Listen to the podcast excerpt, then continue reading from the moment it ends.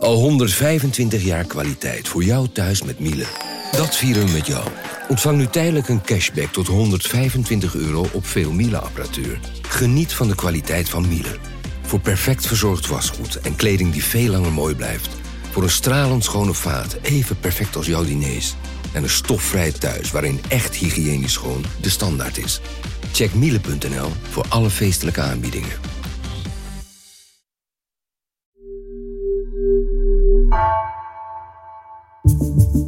Vanaf de redactie van NRC het verhaal van vandaag. Mijn naam is Gabriella Aber.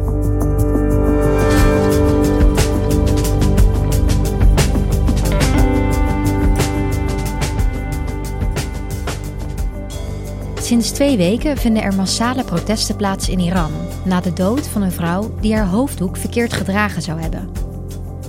Opvallend is het hoge aantal vrouwen dat de straat op gaat. Correspondent Melvin Ingleby vroeg aan enkele van hen: hoe is het om nu vrouw te zijn in Iran?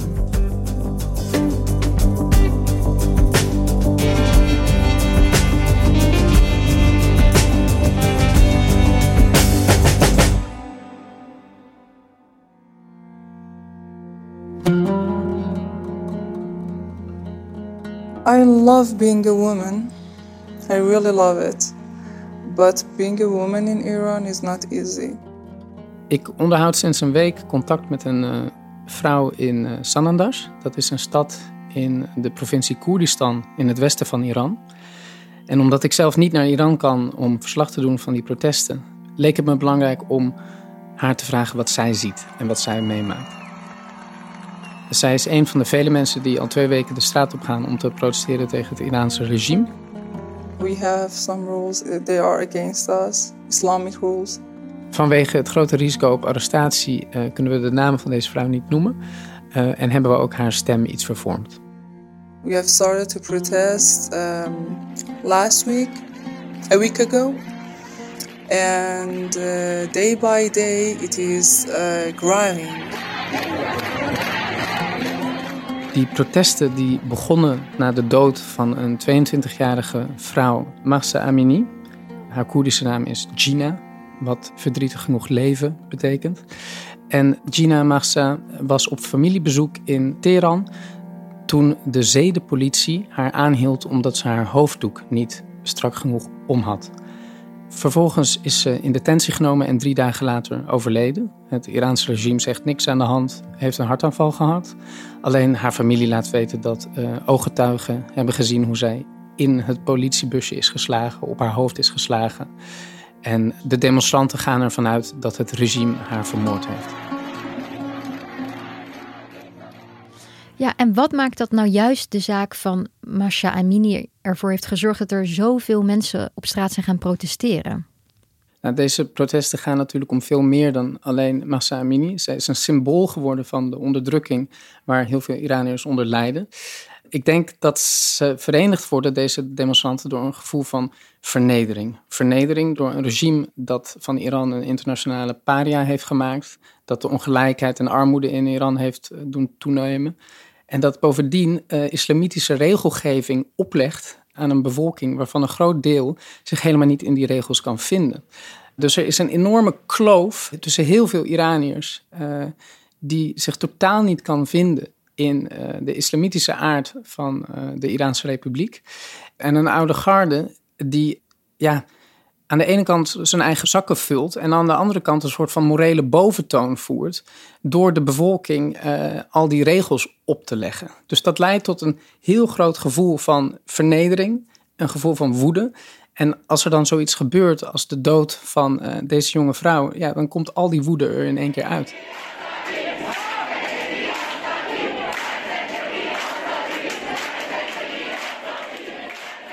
En wat opvalt is dat ook heel veel vrouwen dit keer de straat omgaan. En dat is ook niet vreemd, want vrouwen uit alle lagen van de bevolking kunnen zich heel erg identificeren met het lot van deze Mahsa Amini. En hebben zelf ook heel erg te maken met de onderdrukking van het regime in hun dagelijks leven. Ja, want ik hoorde je een paar keer zeggen um, strenge regels. Heb je daar wat voorbeelden van? Nou, deze zedenpolitie, dat is een onderdeel van het regime die uh, over de straten patrouilleert en eigenlijk in de gaten houdt of Iraniërs zich houden aan de strikt islamitische regels die het regime aan de bevolking oplegt.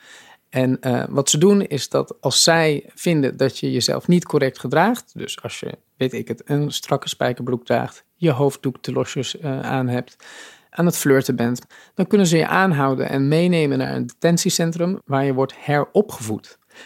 Ik sprak bijvoorbeeld met Azadeh Pourzant. Dat is een Iraanse onderzoeker uh, die nu in Londen woont en uh, daar promoveert op de Iraanse vrouwenrechtenbeweging.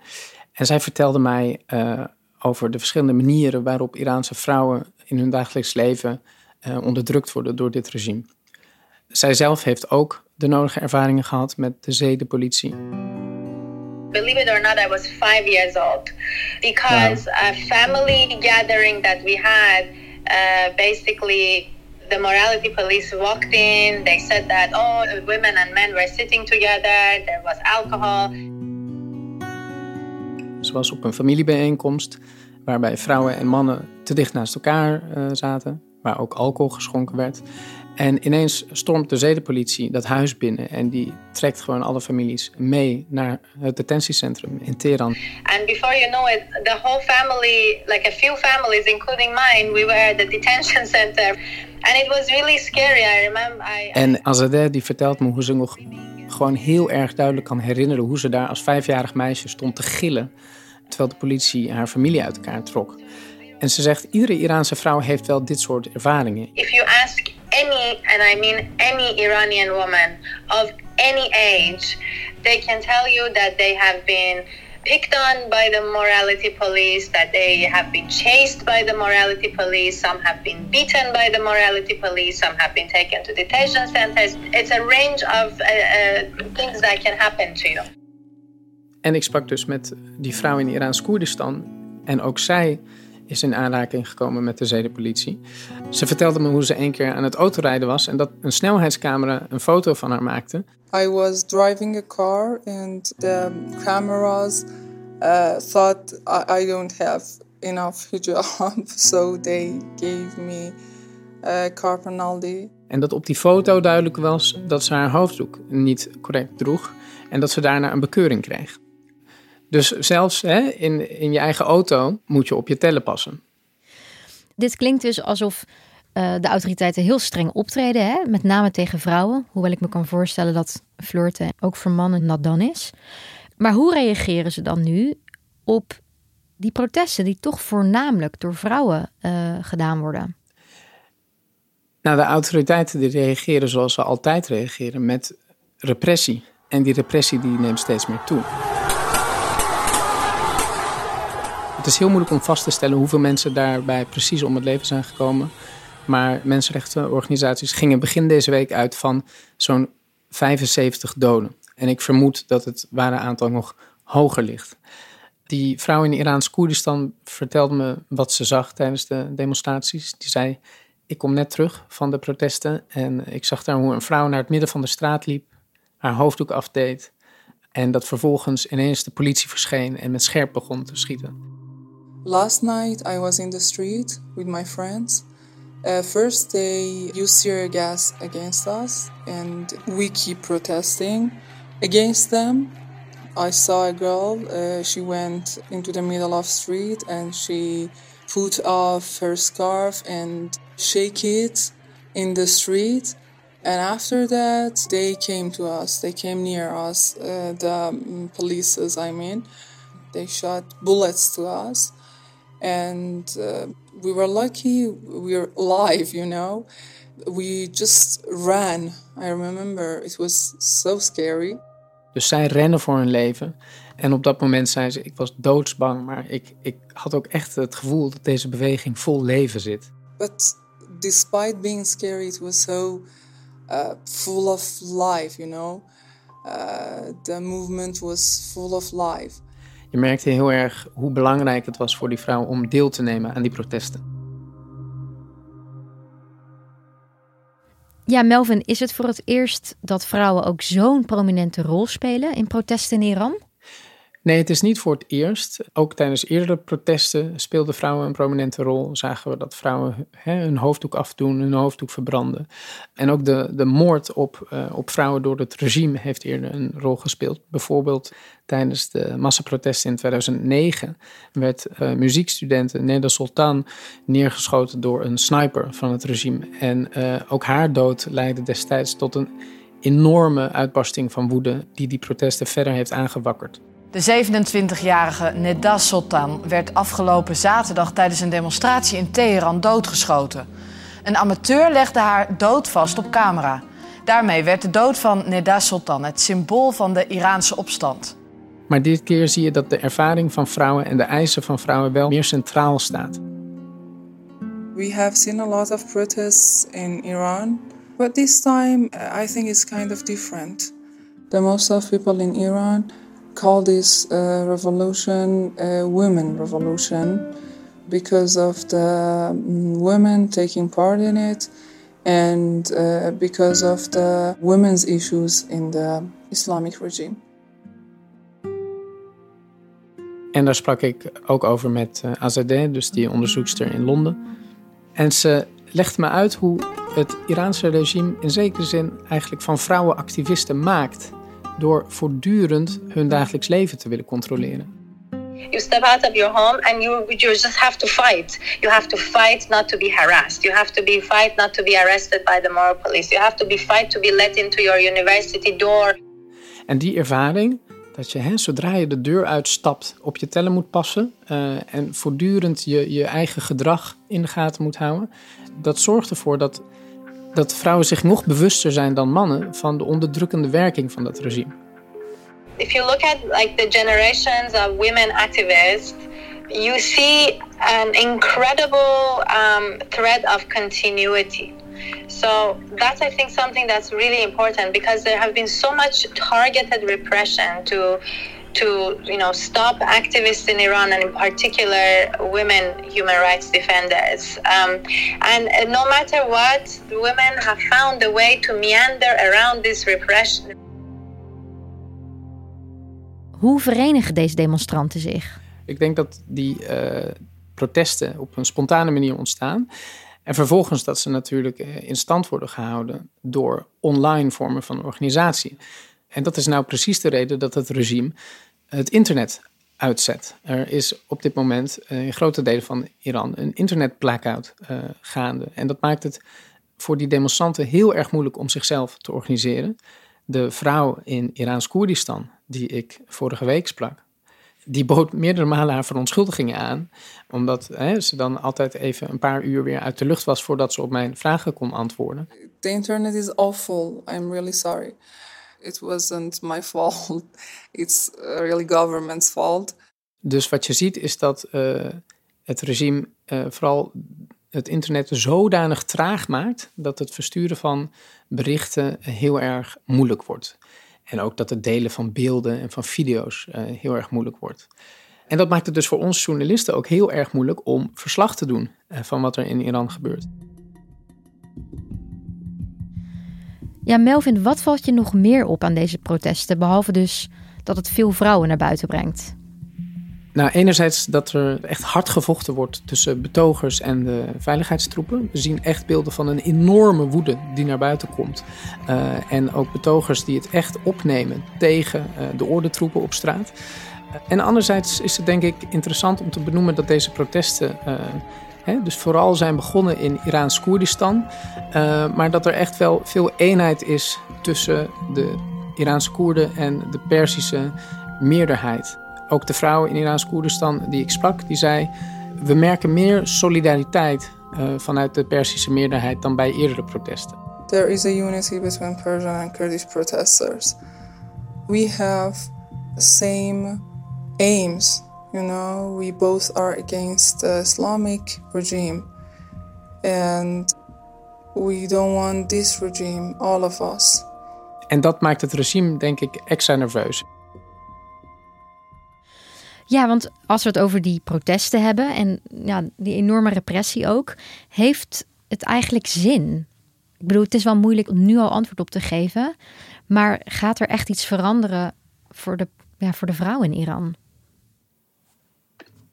Ja, eh, het is natuurlijk moeilijk om antwoord te geven op de vraag of verzet zin heeft als het niet tot verandering leidt.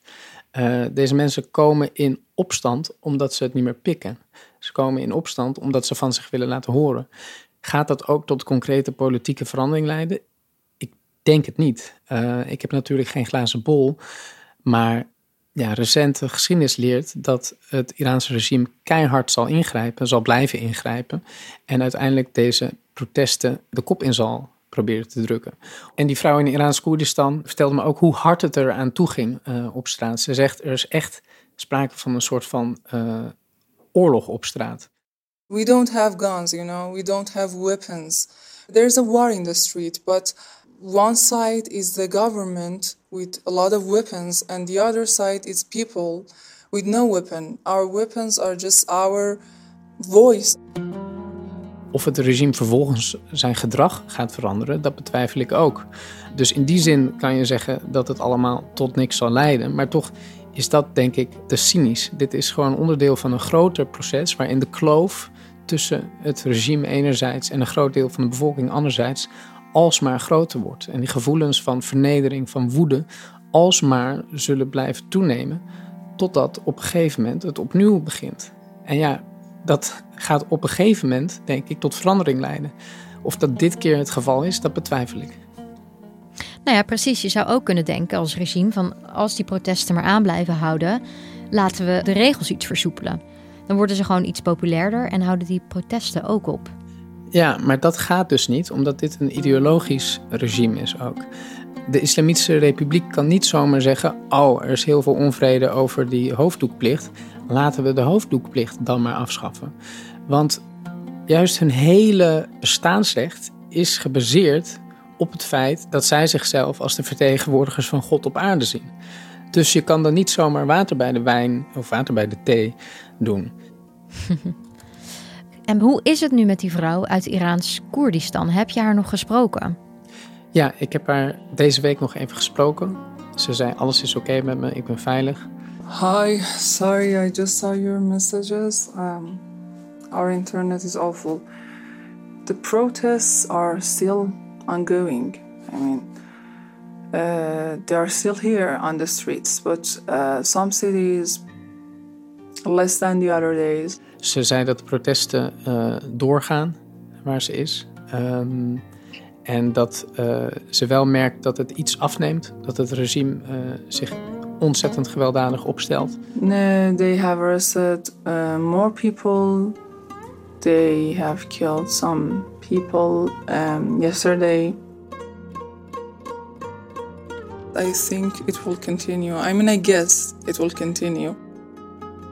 En uh, ja, ze wilde nog meer vertellen, maar toen viel haar internet weer uit. Uiteraard. Dus het is heel erg moeilijk om met haar contact te houden. Maar ik hoop dat het goed met haar gaat. En dat ze ja. uit handen van de politie uh, weet te blijven. Ik hoop het ook. En ik hoop ook dat je ons op de hoogte wil houden van uh, de protesten in Iran. Dank je wel, Melvin. Graag gedaan.